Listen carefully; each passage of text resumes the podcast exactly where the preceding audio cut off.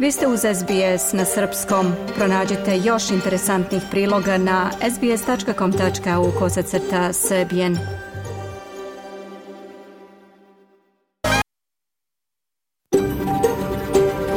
SBS, a world of difference. You're with SBS Serbian on mobile, online and on radio. Vi ste uz SBS na srpskom, na mobilnom, na internetu i na radiju. SBS odaje priznanje tradicionalnim vlasnicima zemlje sa koje danas emitujemo program na srpskom. Ovim izražavamo poštovanje prema narodu Kemriga ali njegovim prošlim i sadašnjim starešinama. Takođe odajemo priznanje tradicionalnim vlasnicima zemlje i svih aboriđinskih naroda i naroda ostrva Toresovog Moreusa na čijoj zemlji slušate naš program. Dobar dan. Danas je četvrtak 9. novembar 2023. Ja sam Branko Cvetojević.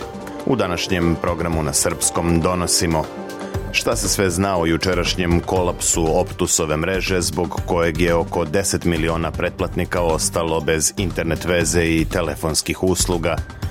Čućemo i kakvu inicijativu za to vreme pokreće drugi mobilni provajder Telstra kako bi pružio podršku žiteljima regionalnih delova zemlje u slučaju prirodnih katastrofa.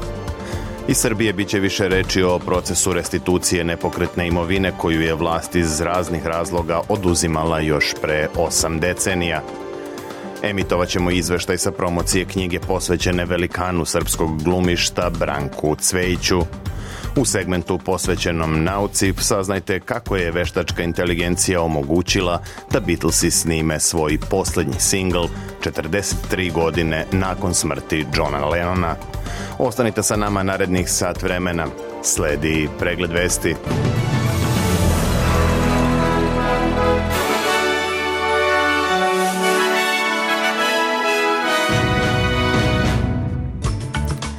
Savezna vlada najavila opsežnu istragu o kolapsu Optusove mreže. Izraelska vojska tvrdi da je Hamas izgubio kontrolu nad severom Gaze. Srbija postigla određeni napredak na putu ka EU, ocenila Evropska komisija.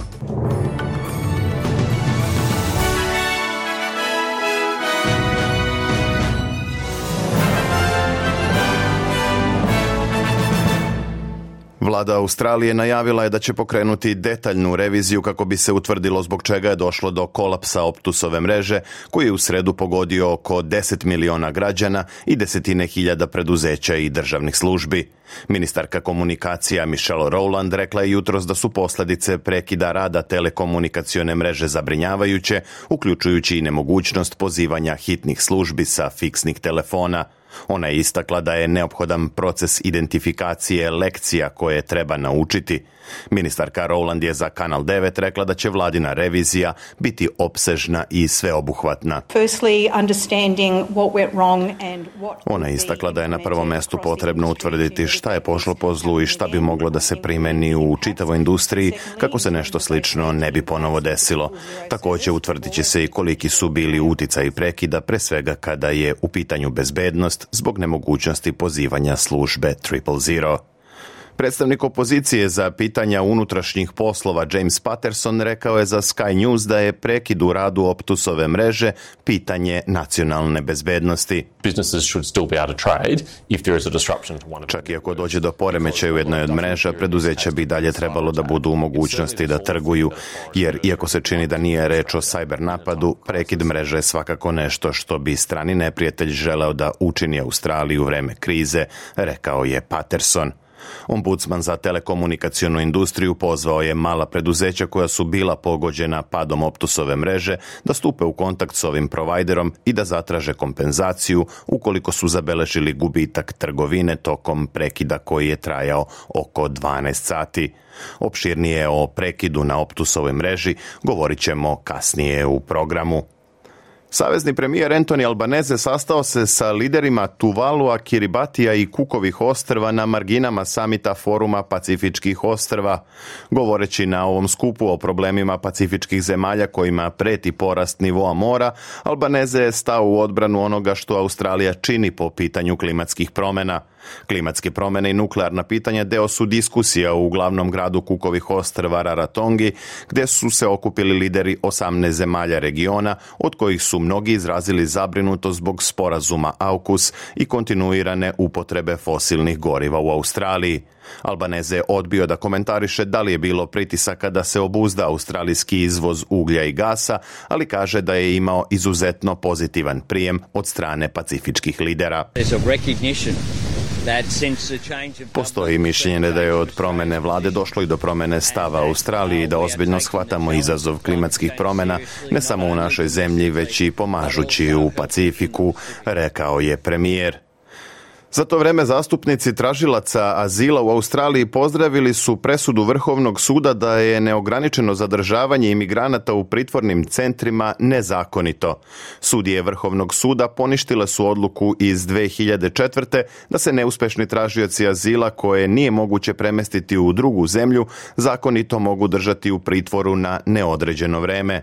Odluka koja je doneta u slučaju pritvorenog pripadnika naroda Rohingija iz Mijanmara mogla bi uskoro da omogući puštanje na slobodu još 90 ljudi koji se drže u sličnom vidu pritvora. Prelazimo na vesti o krizi na Bliskom istoku – Izraelska vojska tvrdi da je Hamas izgubio kontrolu nad severom Gaze dok se istovremeno uvećava broj civila koji beže ka jugu.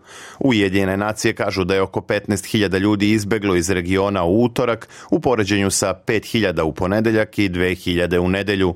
Ovo je posledica intenziviranja izraelske vazdušne i kopnene ofanzive. Hamasovo ministarstvo zdravlja u Gazi kaže da je više od 10.500 ljudi ubijeno u regionu, od kojih su oko 40 od 100 deca.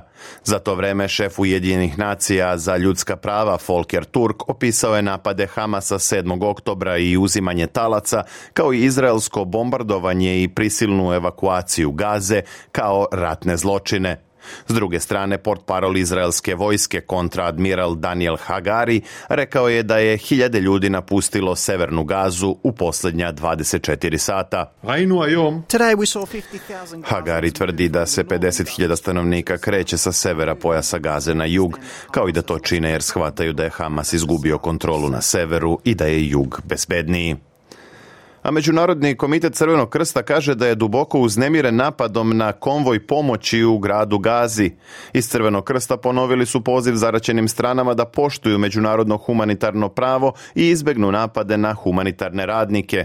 Kako je saopšteno, dva kamiona su oštećena, jedan vozač je lakše ranjen u napadu na povorku od sedam vozila koja su prevozila medicinske zalihe u zdravstvene ustanove. Konvoj je promenio rutu nakon napada i stigao do bolnice al shifa gde je isporučio medicinski materijal. Šef delegacije Crvenog krsta u Gazi, William Schomburg, kaže da humanitarni radnici moraju biti zaštićeni. We were, however, still able to deliver Šomburg kaže da je uprkos napadu veći deo pomoći isporučen jednoj od najvećih bolnica u Gazi. Međutim, on kaže da to nisu uslovi pod kojima bi humanitarci trebalo da rade kako bi zadovoljili hitne potrebe civilnog stanovništva. Humanitarci, bolnice i civili moraju biti zaštićeni međunarodnim humanitarnim pravom, poručio je on australijska ministarka za rano obrazovanje N. Ali pozvala je na smirenost nakon što je propalestinska grupa koja protestuje zbog izraelske pomorske linije primorala luku u Melbourneu da se zatvori. Ali je rekla da ljudi moraju biti svesni kumulativne traume koju su doživeli australijanci čiji su rođaci u Gazi, ali da je isto tako važno ne podsticati tenzije u Australiji. Demonstracije u sredu u Melbourneu povezane su sa grupom Sindikalci za Palestinu, koja je na društvenim mrežama najavila da planira okupljanje za danas u sidnejskom Port Botaniju. Premijer Novog Južnog Velsa Chris Mins upozorio je učesnike na posledice ometanja zakonite trgovine. S druge strane, ministarka Ali je za Kanal 9 rekla da je važno da protesti ostanu mirni. Ali kaže da se srela sa islamskim liderima kao i sa članovima jevrejske zajednice. Ona kaže da su i za jedne i za druge emocije i tenzije na visokom nivou i da se mora voditi računa da se situacija ne rasplamsava. Slušate SBS na srpskom pregled vesti. Slede najvažnije informacije iz Srbije i sveta.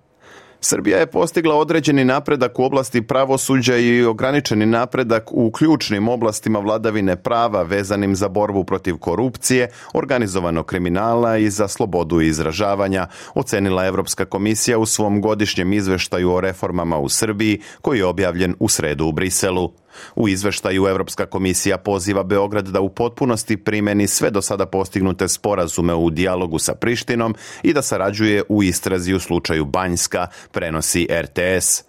Ocenjuje se i da je Srbija angažovana u dijalogu o normalizaciji sa Prištinom, ali da treba da pokaže ozbiljniju posvećenost, uloži više napora i napravi kompromise kako bi proces krenuo napred. Takođe poziva se na brzo održavanje vanrednih izbora u opštinama na severu Kosova uz bezuslovno učešće Srba i ocenjuje se da je normalizacija odnosa ključan uslov za obe strane koje, kako se kaže, rizikuju da propuste ozbiljne prilike ako ne bude napretka. Ocenjeno i da Srbija je popravila stepen usklađenosti sa spoljnom politikom Evropske unije, ali je konstatovano da nisu uvedene restriktivne mere prema Rusiji, kao i da su neke akcije i izjave Srbije bile u suprotnosti sa spoljnopolitičkim stavovima EU. U oblasti reforme javne uprave Srbija prema oceni komisije ima umereni nivo spremnosti za članstvo u Uniji, a određeni napredak je učinjen u pravosuđu. U oblasti ekonomije Evropska komisija ocenjuje da Srbija ima dobar nivo pripremljenosti i da je ostvarila određeni napredak u prošloj godini. Predajući izveštaj premijerki Srbije Ani Brnabić, šef delegacije Evropske unije u Srbiji Emanuele Žiofre, rekao je da je u osnovi svih odluka koje je komisija donela da proširenje zauzima centralno mesto u politici Evropske unije i dodao da prilika postoji i da je treba iskoristiti. Premijerka Brnabić izjavila je da je Evropska komisija prepoznala jasan napredak Srbije u svim ključnim oblastima i da ni u jednoj oblasti nije zabeleženo nazadovanje u reformama, prenosi RTS. A pa predsednik Srbije Aleksandar Vučić izjavio je da je važno da Srbija ide napred na evropskom putu, ali da u isto vreme sačuva svoje nacionalne interese. Komentarišuću izveštaje Evropske komisije, Vučić je za televiziju prva rekao i da je dobro da se u 31. od 34 poglavlja primećuje napredak Srbije, ali je dodao i da je potrebno još mnogo toga da se uradi. Postoje prepreke i teškoće koje se najčešće vezuju za Kosovo i Metohiju, što ste mogli da vidite u izveštaju, rekao je Vučić. Na pitanje da li je zadovoljan izveštajem, predsednik Srbije je rekao da je važno napraviti napredak, ali da je za njega najbitniji i najvažniji ekonomski napredak i ekonomski pokazatelji. Predsednik Srbije najavio da će 11. novembra boraviti u Parizu na mirovnoj konferenciji povodom Dana primirja u Prvom svetskom ratu. Tom prilikom sastaće se sa predsednikom Francuske Emanuelom Macronom. Vučić je najavio i da će imati niz drugih važnih sastanaka u Parizu. Ukrajinska vojna obaveštajna agencija preuzela je odgovornost za ubistvo proruskog političara u okupiranom gradu Lugansku. Kako je objavljeno, Mihail Filiponenko poginuo je u eksploziji automobila bombe juče rano ujutro u operaciji koju je ukrajinska vojska sprovela sa lokalnim snagama otpora. Filiponenko je bio aktivan u proruskom separatističkom pokretu u Lugansku od 2014. i služio je kao jedan od najviših komandanata u vojsci takozvane Luganske narodne republike. Bio je i poslanik u lokalnoj skupštini koju je postavila Rusija, a Ukrajina ga je optužila da je umešan u mučenje i zatvaranje civila i ratnih zarobljenika u Lugansku. Na međunarodnom tržištu valuta jedan australijski dolar danas vredi 64 američka centa, 60 eurocenti, 52 britanska penija i 70 srpskih dinara i 10 para. Najbolji teniser sveta Novak Đoković potvrdio je da će igrati za reprezentaciju Srbije na završnom turniru ovogodišnjeg Davis Kupa. Đoković je u video izjavi objavljenoj na društvenim mrežama istakao da je vrlo motivisan da ostvari novi uspeh sa državnim timom i pozvao navijače da teniserima pruže maksimalnu podršku. I'm excited to be part of the Serbian national team. Uzbuđen sam što ću biti deo reprezentacije na finalnom turniru Davis Kupa u Malagi. Uvek je velika čast i zadovoljstvo igrati za Srbiju. Borit ćemo se za najprestižniji reprezentativni trofej u našem sportu koji smo osvojili 2010. To je jedna od mojih najlepših uspomena u karijeri. Radujem se što ću se za taj trofej ponovo boriti s mojim drugovima iz tima i nadam se da ću biti zdrav i da ću moći da donesem sve pobede svojoj zemlji, rekao je Đoković. Na finalnom turniru Davis Kupa igraće osam najboljih selekcija iz ovogodišnjeg takmičenja, među kojima su i Srbija i Australija. U četvrtfinalu Srbija se sastaje sa Velikom Britanijom, dok je rival Australije selekcija Češke. U ostalim duelima igraju Finska Kanada, odnosno Italija i Holandija. Davis Kup se održava u Španskoj Malagi od 21. do 26. novembra a futbaleri Crvene zvezde ostali su bez šanse da se plasiraju među 16 najboljih timova Lige šampiona. Prvak Srbije poražen je u Beogradu u četvrtom kolu grupe G od Red Bull Leipziga 1 prema 2. Zvezda je posle trećeg poraza u elitnom takmičenju na trećem mestu u grupi sa nedostižnim zaostatkom za drugoplasiranim Leipzigom koji se zajedno sa Manchester Cityjem plasirao u narednu fazu. Do kraja takmičenja po grupama ostala su još dva kola, a crveno-beli će se boriti da sačuvaju treće mesto koje obezbeđuje nastavak takmičenja u Ligi Evrope. Naredni meč 28. novembra u Bernu protiv Young Boysa mogao bi da bude odlučujući za zvezdu. U slučaju pobede crveno Crveno-beli će osigurati opstanak na evropskoj sceni, a dobre izglede imaće i sa nerešenim rezultatom. U utakmicama Lige šampiona odigranim ovog jutra po australijskom vremenu, plasmanu u osminu finala obezbedili su italijanski Inter i španski Real Sociedad. Inter je u gostima savladao Salzburg sa 1-0, dok je Sociedad slavio kod kuće protiv Benfike 3-1. Mesto među 16 najboljih obezbedili su i minhenski Bayern i Real iz Madrida. Bayern je savladao Galatasaray 2-1, dok je Real bio bolji od Brage rezultatom 3-0. Najveće iznenađenje četvrtog kola predstavlja pobeda Kopenhagena protiv Manchester Uniteda. Danci su slavili sa 4-3, iako je engleski velikan vodio sa 2-0 i 3-2. Evo i vremenske prognoze za sutra. U Sidneju uglavnom sunčano s najvišom temperaturom od 27 stepeni, u Melbourneu razvedravanje i 31, dok se za Kamberu najavljuje povremena oblačnost i 25, u petak u Adelaidu sunčano i veoma toplo 37, u Brisbaneu povremeno oblačno i 27, a u Pertu uglavnom sunčano i 24. Sutra u Darwinu mogući pljuskovi s grmljavinom i 32, a u Hobartu uglavnom sunčano i 25 stepeni.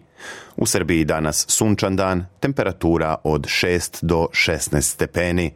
Bilo je to sve u pregledu vesti na srpskom jeziku za 9. novembar 2023.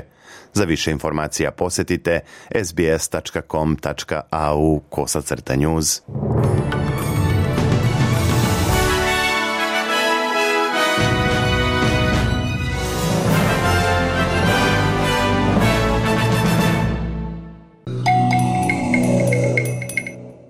Slušate SBS na srpskom. Više od 10 miliona pretplatnika Optusa kao i na desetine hiljada preduzeća i državnih službi ostali su u sredu bez signala mobilne i fiksne telefonije, kao i bez pristupa internetu. Za sada još nije objavljeno šta je dovelo do ovog nezapamćenog telekomunikacionog kolapsa, ali je odbačena mogućnost sajber napada – Savezna vlada je najavila opsežnu istragu kako bi se utvrdili uzroci i kako bi se sprečili slični incidenti u budućnosti. Istovremeno, ombudsman za telekomunikacione usluge pozvao je sva mala preduzeća koja su zbog prekida bila onemogućena da trguju, da se obrate optusu i zatraže kompenzaciju. Opširnije o padu Optusove mreže u izveštaju Aleksani Fantisa, koji je za program na srpskom pripremila Biljana Ristić. Klijenti Optusovih telekomunikacionih usluga juče su bili izuzetno ljuti nakon što su ostali bez interneta i mogućnosti korišćenja telefona nakon kvara na mreži, što nije bilo samo sporadična neprijatnost, već je koštalo kompanije na hiljade dolara, a pošto su i bolnice bile pogođene, ugrozilo je živote ljudi.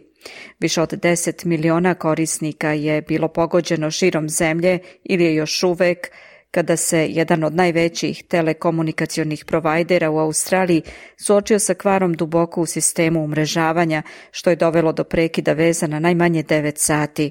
Korisnici železničkih usluga u Melbourneu bili su suočeni sa velikim kašnjenjima vozova, kao i prekidima saobraćaja, kako se navodi zbog prekida komunikacija. Sve gradske saobraćajne linije bile su obustavljene od oko 4.30 ujutro u sredu zbog kvara na komunikacijama na železničkoj mreži. Železnički saobraćaj je nastavljen nešto pre 6 ujutru, ali su se velika kašnjenja nastavila tokom jutarnjeg špica.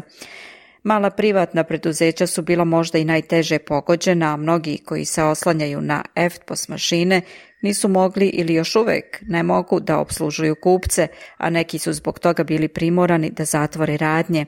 Jedna ugostiteljska kompanija u Novom Južnom Velsu saopštila je da je u sistemu bez transakcija u gotovini izgubilo oko 80% kupaca kao rezultat jučerašnjeg kvara.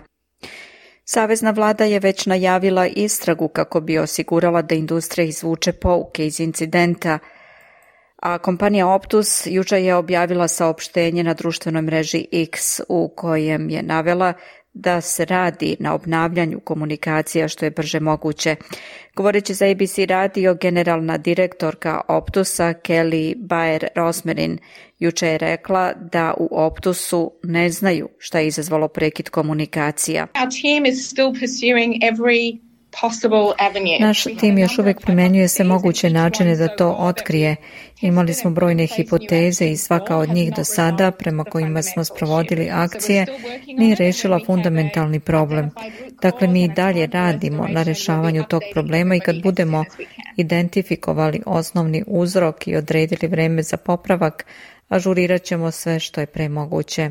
Ministarka telekomunikacija Michelle Rowand pozvala je Optus da na bolji način komunicira sa svojim korisnicima pružajući objašnjenje. Pozvala bih Optus da iskoristi druge mehanizme, uključujući emitere, radio i televiziju, kako bi objavili ove poruke. Ako ljudi znaju da se nešto preduzima, da stručne osobe rade na tome i da mogu nešto očekivati, mislim da će to ublažiti njihovu zabrinutost koja je trenutno prisutna kaže Roland. Ona takođe kaže da federalna vlada očekuje da će telekomunikacioni operator nastaviti da pruža pravovremene ažurirane informacije milionima Australijanaca koji zavise od njihovih usluga. From the outset, I reiterate that it is vital Od samog početka ponavljam da je od vitalnog značaja za Optus da bude transparentan i blagovremen u ažuriranju informacija koje daje svojim klijentima o prirodi kvara, njegovom uticaju na njih i mogućem otklanjanju. Stručnjaci za kibernetičku bezbednost kažu da prekid komunikacija na Optusovoj mreži širom zemlje podcrtava krhkost australijske komunikacione mreže Direktorka Kooperativnog istraživačkog centra za kibernetičku bezbednost Rachel Falk kaže da je ovaj prekid komunikacija bez presedana po svojim razmerama. Kao što vidimo, vidljiva je krhkost telekom mreže koja povezuje sve sa um, svačim, povezuje očigledno železničke usluge, bolnice, internet, telefonske usluge I takođe je tačno da povezuje sve od Kensa preko Melbuna i Perta do istočne obale.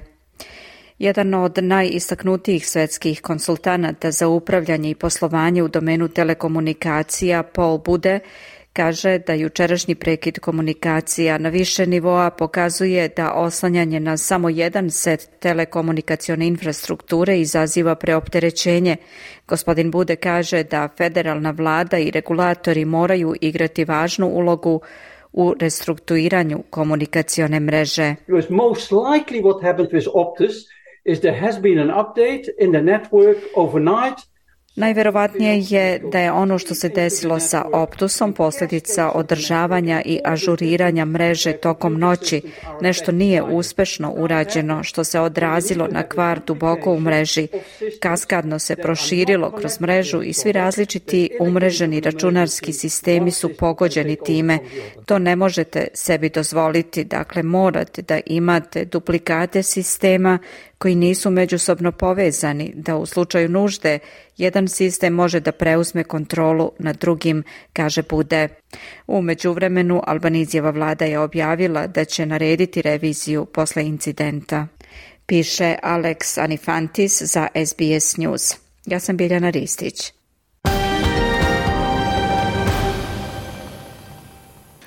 I dok se Optus u sredu suočio sa do sada nezapamćenim problemima, Drugi mobilni operater u Australiji je nedavno pokrenuo inicijativu za podršku ljudima u regionalnim i ruralnim delovima zemlje.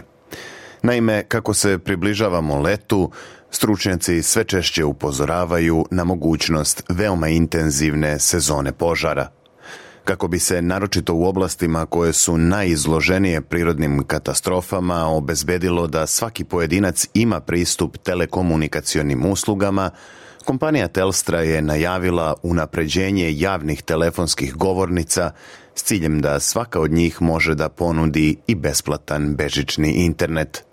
Opširnije o tome u narednim minutima. Australijska telekomunikaciona kompanija Telstra najavila je pokretanje nove inicijative u sklopu koje će unaprediti hiljadu javnih telefonskih govornica u područjima s najvećim rizikom od prirodnih katastrofa. Cilj je da se stanovništvu u tim delovima zemlje obezbedi besplatan bežični internet i pristup priključcima za punjenje baterija mobilnih telefona. Ova inicijativa takođe uključuje simuliranje pokrivenosti roaminga na telstrinoj mreži u slučaju katastrofe.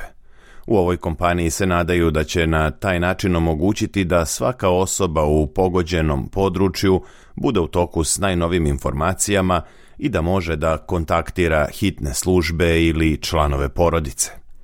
Ove mere bi u izazovnoj sezoni požara koja se predviđa ovog leta mogle da ponude izvesnu sigurnost ljudima koji se nalaze u oblastima bez adekvatne mobilne infrastrukture. Steve Tinkler iz Telstre kaže da će probni period početi uskoro. For mobile device, if your mobile device in an emergency area Tinkler objašnjava da će ukoliko mobilni uređaj u nekoj ugroženoj zoni ne može da se poveže na svoju mrežu biti obezbeđen pristup mreži koja je operativna u toj oblasti. Tako će u slučaju prirodne katastrofe bilo gde širom Australije biti omogućen pristup signalu mobilne telefonije. To je deo onoga što ćemo testirati kroz simulaciju načina kako da korisnike mobilnih priključujemo na mrežu u tim oblastima. Međutim, mišljenja o tome koliko su korisne govornice u ovakvim vanrednim situacijama se razlikuju. Jen Harris je 2018. preživela požar u Tatri, nedaleko od doline Biga u Novom Južnom Velsu. U tom požaru uništena joj je kuća, a Jen se seća da na dan te strašne vatrene stihije nije bilo upozorenja, a svi telefonski predajnici u okolini bili su van funkcije. Ona smatra da je neophodna jasnija komunikacija između službi za hitne intervencije i lokalnih radiostanica, ali isto tako kaže da ne može ni da zamisli da neko traži telefonsku govornicu usred požara. So we evacuated to Tatra. We went with the fire. Jen se seća da su se 2018. svi evakuisali u Tatru i time zapravo otišli pravu u opasnost.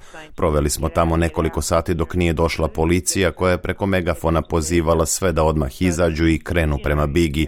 Osim toga nije bilo nikakve komunikacije o tome šta se dešava i sigurno niko ne bi ni tražio telefonsku govornicu u tom trenutku. Možda neko sklonište od vatre, ali govornica nije mesto gde ljudi idu kad su u takvoj opasnosti. Takođe, mnogi kažu da nikada nisu ni koristili telefonsku govornicu, kao i da ne pamte brojeve telefona prijatelja i porodice. Iako mnogi smatraju da im telefonska govornica ne bi bila prioritetno mesto na koje bi se zaputili u slučaju hitne situacije, Steve Tinkler kaže da bi one mogle biti od ključnog značaja posebno za ljude u ruralnim zajednicama. Mnogo puta smo uočili, posebno tokom prirodnih katastrofa, da telefonske govornice mogu biti od vitalnog značaja, jer ako mobilna mreža i internet ne rade, govornice bi mogle da budu u funkciji. Ponekad bi mogle da budu jedini način da obavestite druge da ste dobro ili da kontaktirate hitne službe. Zato su one važan deo komunikacijske mreže za regionalne oblasti i važno je da ljudi znaju gde se govornice nalaze u njihovim zajednicama kao deo plana za reagovanje u slučajevima katastrofe, kaže Tinkler. Australijska komisija za konkurenciju i potrošače je 2022. počela istragu regionalne mobilne infrastrukture. Izveštaj koji je završen u oktobru ove godine delom se fokusirao na izvodljivost privremene mobilne pokrivenosti u oblastima pogođenim katastrofama – Kao jedan od razloga za zabrinutost, u izveštaju se ističe da prednost u odnosu na konkurenciju koju Telstra ima u regionima može da destimulišuće utiče na druge telekomunikacione kompanije po pitanju ulaganja u regionalnu mrežnu pokrivenost. Kako kažu iz Telstre, ukoliko probe budu uspešne, ova kompanija će proširiti predloženu pokrivenost roamingom i na korisnike drugih mreža piše Sidney Lang za SBS News. Slušajte SBS na srpskom, na mobilnom, na internetu i na radiju.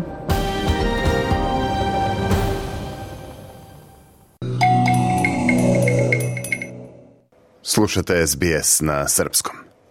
U Srbiji ni posle više od 80 godina nije rešen problem vlasnika kuća i stanova koje je država oduzimala posle drugog svetskog rata po raznim osnovama. Dogovori između nosilaca prava svojine nad tim stambenim objektima i onih koji imaju stanarsko pravo u većini slučajeva nisu dali rezultate. Rok za rešenje tog problema je 2026. godina, a nacrt izmena i dopuna zakona o stanovanju doneo je nova neslaganja suprotstavljenih strana – O kakvim predlozima je reč i ko bi po novoj zakonskoj regulativi koliko dobio, a koliko izgubio, čućemo od naše saradnice iz Srbije s kojom razgovara Biljana Ristić. Na liniji imamo Miju Nikolić. Mija, dobar dan. Podsjetite nas prvo na istoriju problema. Još e, avgusta 1945. zakonom o raspolaganju stanovima i poslovnim prostorijama oduzimani su delovi stanova ili cele stambene jedinice od onih za koje je ocenjeno da imaju višak stambenog prostora i tu su useljavane porodice, čelnika nove vlasti, funkcioneri, pripadnici NOBA, pa do takozvanih običnih građana. 1958. je došlo do velike nacionalizacije stanova koji su odlukom države uključeni u fond stanova kojima se može zakonski raspolagati, velikom broju ljudi bilo zatečenih u njima, bilo onih koji su ih dobili od firmi zakonitim putem, dodeljeno je stanarsko pravo, a svi kasniji propisi su potvrdili takvo stvarno stanje i održali ga do danas. I oni koji poseduju pravo svojine ne mogu da ih koriste i zakupci na neodređeno vreme koji nemaju vlasništvo, ali imaju takozvano stanarsko pravo, iznose svoje argumente, ali i neslaganje sa novim nacrtom zakona. Zašto se ne slažu sa nacrtom novog zakona i radi se da podsjetimo o zakonu o izmenama i dopunama zakona o stanovanju i održavanju zgrada. Mile Antić, predsednik mreže za restituciju, kaže da sve zvuči kao zagonetka. Oni koji decenijama žive u oduzetim stanovima izgleda nikada neće steći pravo svojine, a zakonski vlasnici izgleda da će teško u njima ikada živeti. Zagonetka velikoja deluje kao nerešiva za one koji se decenijama bore za svoje vlasništvo i nekako se uvek nađu na početku. Iako smo u Srbiji od 1958. imali masovno oduzimanje stanova, mi ne da nismo rešili taj problem, već su se stvorile nove generacije zaštićenih postanara, navodi Antić.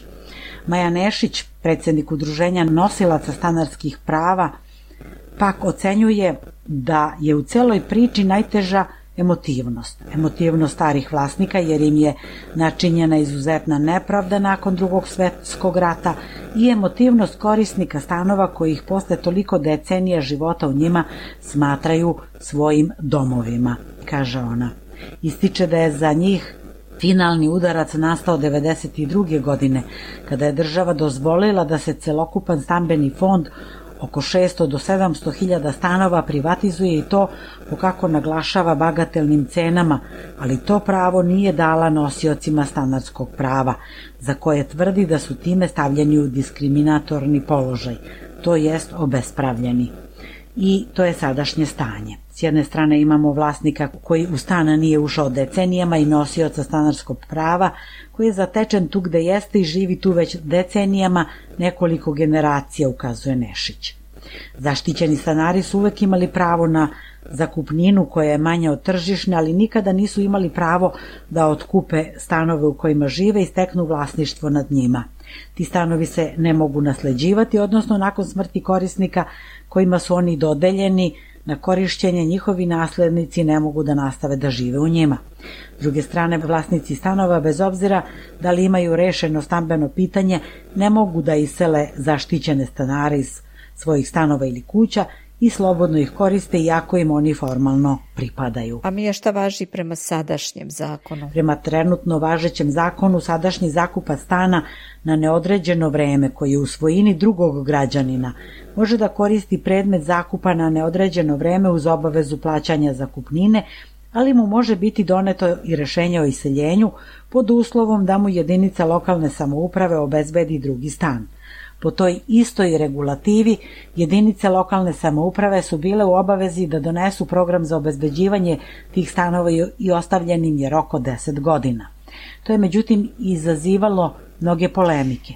Novi zakon nudi nova rešenja, ali se čini da nijedna strana nije zadovoljna, recite nam više. Izgledalo je da smo došli do obostrano prihvatljivog rešenja da bi se ovih dana povela priča o lex specialisu u kojim udruženje – zakupaca traži da država nacionalizuje stanove, da im te stanove dodeli uz pravo otkupa po zakonu iz 1992. kaže advokat udruženja vlasnik Bojan Čedić.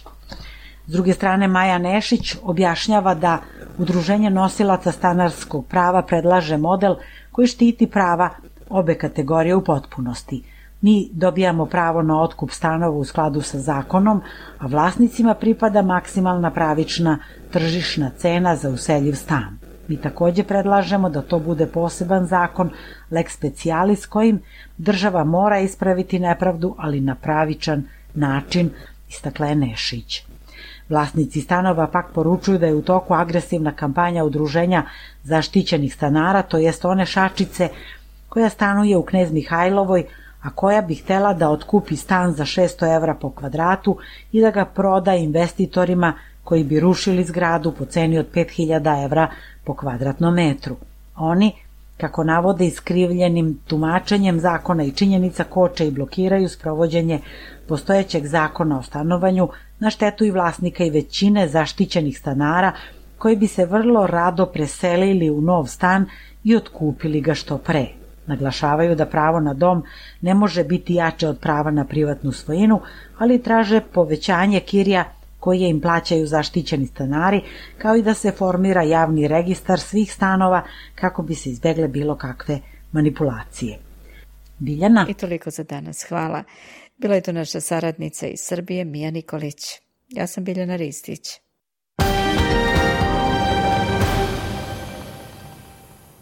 I dalje govorimo o temama iz Srbije. Utorak je u Beogradu predstavljena knjiga pod naslovom Sa cvejom. Ova knjiga govori o legendarnom glumcu Branku Cvejiću i na više od 400 strana donosi 70 autorskih tekstova i blizu 190 fotografija. Ovaj sadržaj govori o Branku Cvejiću kao vrsnom pozorišnom i televizijskom glumcu, ali i sjajnom saradniku, neustrašivom šoferu, predanom aktivisti i izuzetnoj svestranoj ličnosti. Opširnije u izveštaju Hranislava Nikolića. Promocija knjige sa Cvejom, posvećene srpskom glumcu Branku Cvejiću, koji je preminuo 2022. godine, a koju je priredila Beka Vučo, održana je utorak u Jugoslovenskom dramskom pozorištu u Beogradu. Branko Cvejić bio je član i u jednom periodu dugogodišnji upravnik ovog pozorišta od 2002. do 2011. godine. Gradio je karijeru prevashodno u teatru, ali i na filmu i televiziji, u serijama i TV dramama. Veliku popularnost stekao je 1976. godine kao čuveni Bane Bumbar u televizijskoj seriji Grlomu jagode u režiji Srđana Karanovića. Osim ove serije, Cveć je bio zapažen u svim serijama koje je pisao scenarista Siniša Pavić, Srećni ljudi, Porodično blago, Stižu dolari, Bela lađa i Junaci našeg doba. Branko Cvejić je diplomirao glumu na Fakultetu dramskih umetnosti u Beogradu 1969. godine i od tada je stalni član Jugoslavenskog dramskog pozorišta. Kao gost je igrao u raznim pozorištima Beograda, kao što su Atelje 212, Zvezdara teatar, Boško Buha, Bitev teatar i tako dalje. Odigrao je više od 150 uloga u pozorištu i na filmu. O ovoj knjizi u izdanju Beogradske kuće Klio i fondacije Moj Balkan o liku i delu glumca govorili su upravnica Jugoslovenskog dramskog pozorišta Tamara Vučković-Manojlović, reditelji Slobodan Unkovski, Stefan Arsenijević i Gorčin Stojanović, glumci Branka Petrić i Vojislav Brajović, teatrolog Aleksandar Milosavljević, izdavač Zoran Hamović i priređivač knjige Beka Vučov. Upravnica Jugoslovenskog dramskog pozorišta Tamara Vučković-Manojlović je istakla da je autorka Beka Vučo dala ideju i pružila inicijativu da se realizuje knjiga o Branku Cvejiću Cveji kao svedočanstvo o njemu kao prijatelju, kolegi, drugu, upravniku, dramskog umetniku, glumcu, ali istovremeno i kao svedočanstvo o Jugoslovenskom dramskom pozorištu. Zatim je kazala... Ja sam Branka Cvejića upoznala 1987. godine u petoj Beogradskoj gimnaziji. I kao svi ljudi iz pete Beogradske gimnazije imali smo tako neki, e, neku tajnu vezu, eto tako da kažem. Svi ljudi iz pete Beogradske su bili uvek povezivani i povezani. I te godine smo imali tribine e, Homo Universalis i na tu tribinu su učenici pozvali Cveju, Điđu Karanovića i Gorana Markovića. E, nama je to tada mnogo značilo. E, mi smo naravno svi bili vezani za filmove koje su oni pravili, za Grlomu jagode, sve te generacije koje me to mnogo značilo i pre nas i posle nas i nisam naravno ni slutila da ću šest godina posle toga doći u Jugoslovensko dramsko pozorište, postati član, početi da igram sa Cvejom u predstavama, družiti se, družiti se i na sceni, oko scene, a i u van nastavnim aktivnostima o kojima sam isto pisala. E, I da ću kasnije deliti i ovo iskustvo koje delim e, kao upravnik. Vojislav Voja Brajović se prisetio da je 1968. godine prvi put igrao na sceni Jugoslovenskog dramskog pozorišta sa Cvejićem i u šali rekao – Ja sam imao tada 8, a on 10 godina. Potom je nastavio. Sve to toliko prolazno i ova knjiga, eto koliko tu ima strana i čuda. Da li ona može sve da sabere? Pa to je teško. I kad smo ovako najavili taj nekomemorativni skup, onda u ovim našim druženjima sada teško mogu da se izbegnu te audiovizuelne stvari koje su se dešavale, to ne može da bude u knjizi, naravno.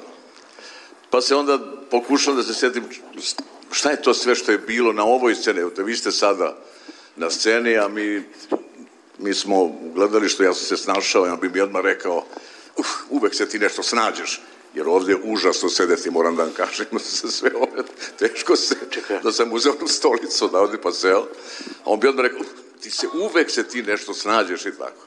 Ali moram da kažem da ne znam da li sam imao možda na eto, na šaci jedne ruke toliko podržavalaca koliko sam imao u njemu.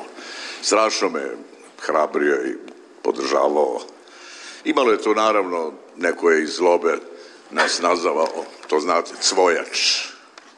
To je cveja, voja i mijač, pa je cvojač, jeli? a ostao, ostao sam, nema C i nema Č. Nema ni C, nema ni Č, ostao sam samo ja, još malo vremena nije to tako strašno. Bili ali, ste i e, duet svoja. da, da. molim? Bili ste i duet svoja. Da, sad, pa nema više ni tog dueta. A, U stvari imam. Evo, ova, šta je pod naslov? Sa Cvejom, tako? Pa mi smo sad sa Cvejom. Ja imam tu utopijsku e, budalaštinu od misli da u stvari svi oni E, koji nisu sa nama, žive sa nama dok smo mi živi. Tako i Cve, ovde je prisutan Cve, sve to on sluša i, i mi gledamo kako da se pred njim nešto ne obrukamo. Pozorišni, filmski i televizijski reditelj Gorčin Stojanović je naglasio da je ceo moj profesionalan život vezan za Cveju i nastavio. Prvi ugovor koji sam potpisao, odmah su se nas dvojica posvađali. A to znači da se ja bio arogantan, jer je Cveja krenuo da mi objašnjava vrlo slično ovo što Unka priča, samo tad je bilo samoupravljanje. Ja krenuo da mi objašnjava, vidi, koeficijent ti je toliki, ali vrednost boda je ovakva. Ako ti to pomnožim svojim, ti si ipak student. Kažem, pa ne, ali ovo je ipak profesionalna predstavlja. Ne, naravno sve se dešava otprilike u ovo vreme, pre tačno 34 ili 5 godina, novembar je 89, 34 godine, e, premijera je bila tri dana pre toga, E, uglavnom, u navodnim znacima smo se posveđali, e, e, samo znam da se Cveja požalio Dejanu Mijaču, mom profesoru na mene, ja sam popodne imao čas, to je bila moja prva profesionalna predstava, ali, ali ispit treće godine istovremeno, i Dejan je naravno rekao, pa Gorčina, neće vas, brat e, prevariti, i, i Cveja nikad nikog nije prevario. Iz Beograda za SBS Hranislav Nikolić. SBS na srpskom. Podelimo priče na Facebook stranici.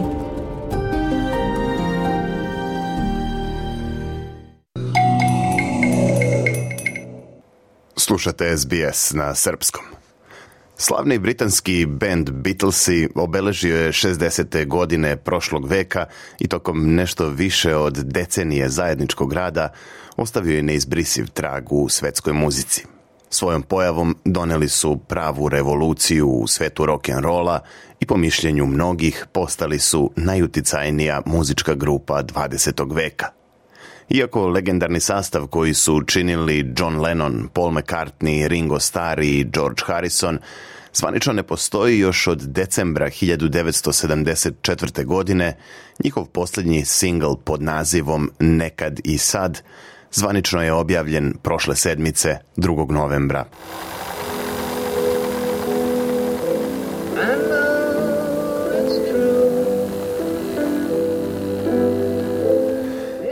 Može se reći da je ova pesma nastajala skoro pola veka. Prve taktove John Lennon je napisao i zabeležio na demo snimku još 1978. u svom stanu u Njujorku tačno dve godine uoči prerane smrti. Danas, 45 godina kasnije, uz pomoć nauke i moderne tehnologije u vidu veštačke inteligencije, ova dugo nedovršena rock and roll simfonija konačno je puštena u etar. One, two. I know it's true.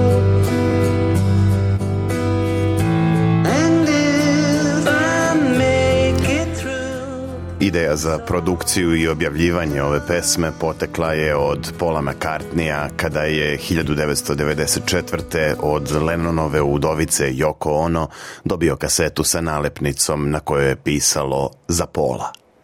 Na staroj traci bio je Lennonov demo snimak za pesmu Nekad i sad – Kako kaže sin legendarnog muzičara Sean Ono Lennon, ovaj snimak budi najlepša sećanja na njegovog oca. I do remember living at the Dakota with dad and mom. Sećam se da sam živeo u Dakoti s tatom i mamom. U to vreme postoje utisak da je moj otac privremeno prestao da se bavi muzikom kako bi me odgajao, što je i bilo delimično tačno, u smislu da nije išao na turneje i da nije ispunio ni jednu obavezu prema izdavačkim kućama, ali uvek je svirao u kući. Stalno je pravio demo snimke i sećam se da je to radio na kasetofonima. Mama imala pregršt pesama koje tata nije završio i koje je kasnije dala drugim članovima Beatlesa, priseća se Sean.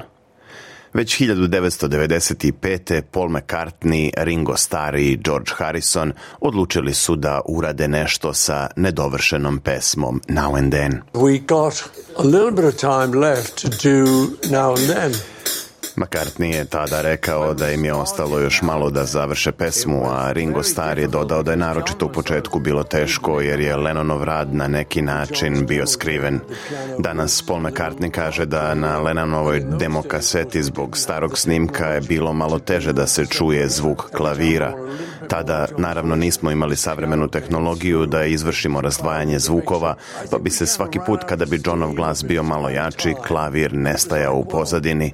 Nismo mogli da ih razdvojimo, a ponestajalo nam je vremena. Zaključili smo da je možda najbolje da tu pesmu ostavimo za neko drugo doba. Tako je kaseta s pesmom Nekad i sad ostala u fioci da čeka neke bolje dane i naprednu tehnologiju.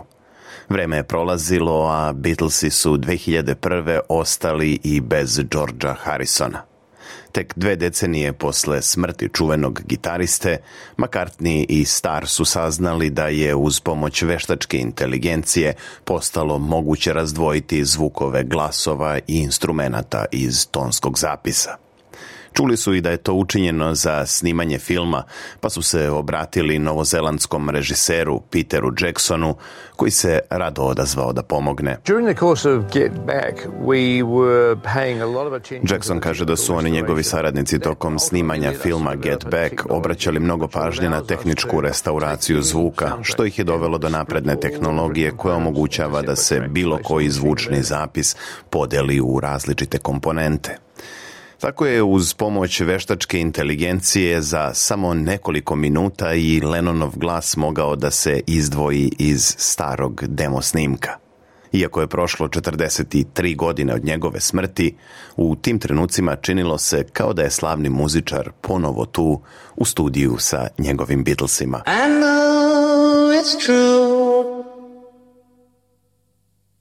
It's all because of you Paul McCartney i Ringo Starr tada su počeli da rade na pesmi, dodajući bas, bubnjeve i gitarski solo u stilu Georgea Harrisona.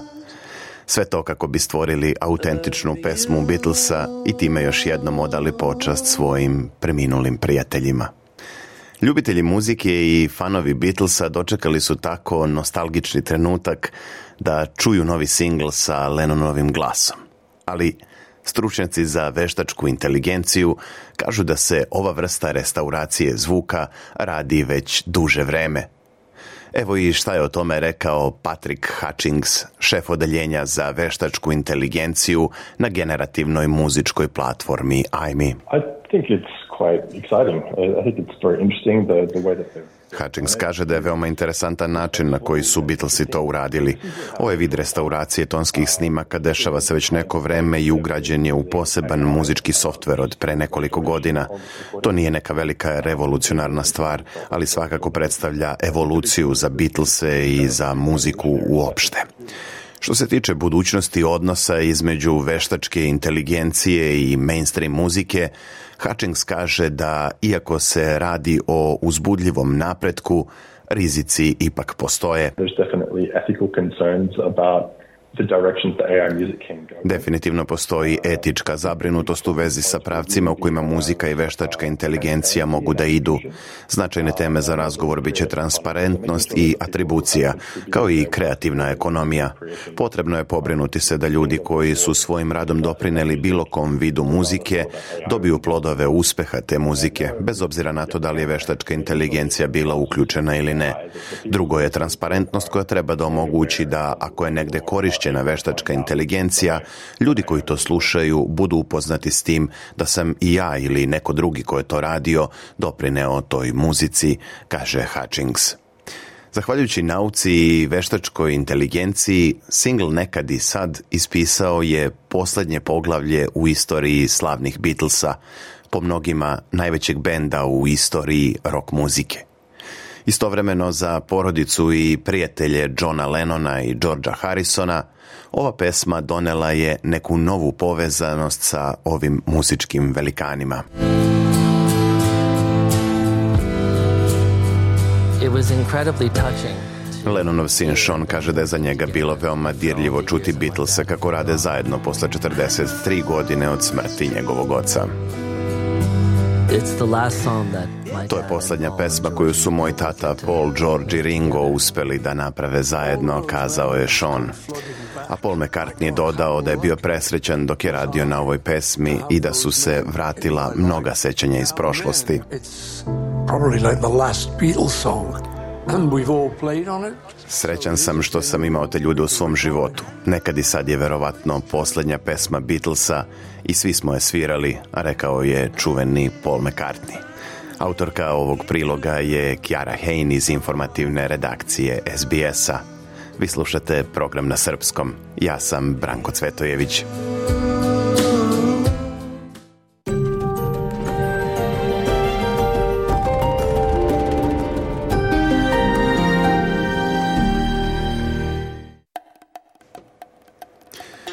I to bi bilo sve za danas. Narednu emisiju na srpskom jeziku slušajte u subotu 11. novembra od 15 časova.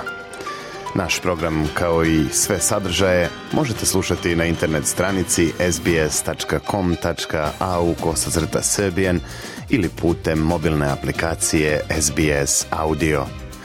I ne zaboravite da nas pratite na Facebooku gde ćete takođe pronaći najznačajnije informacije, intervjue i reportaže iz našeg programa. Moje ime je Branko Cvetojević. Želim vam prijatan dan i do slušanja.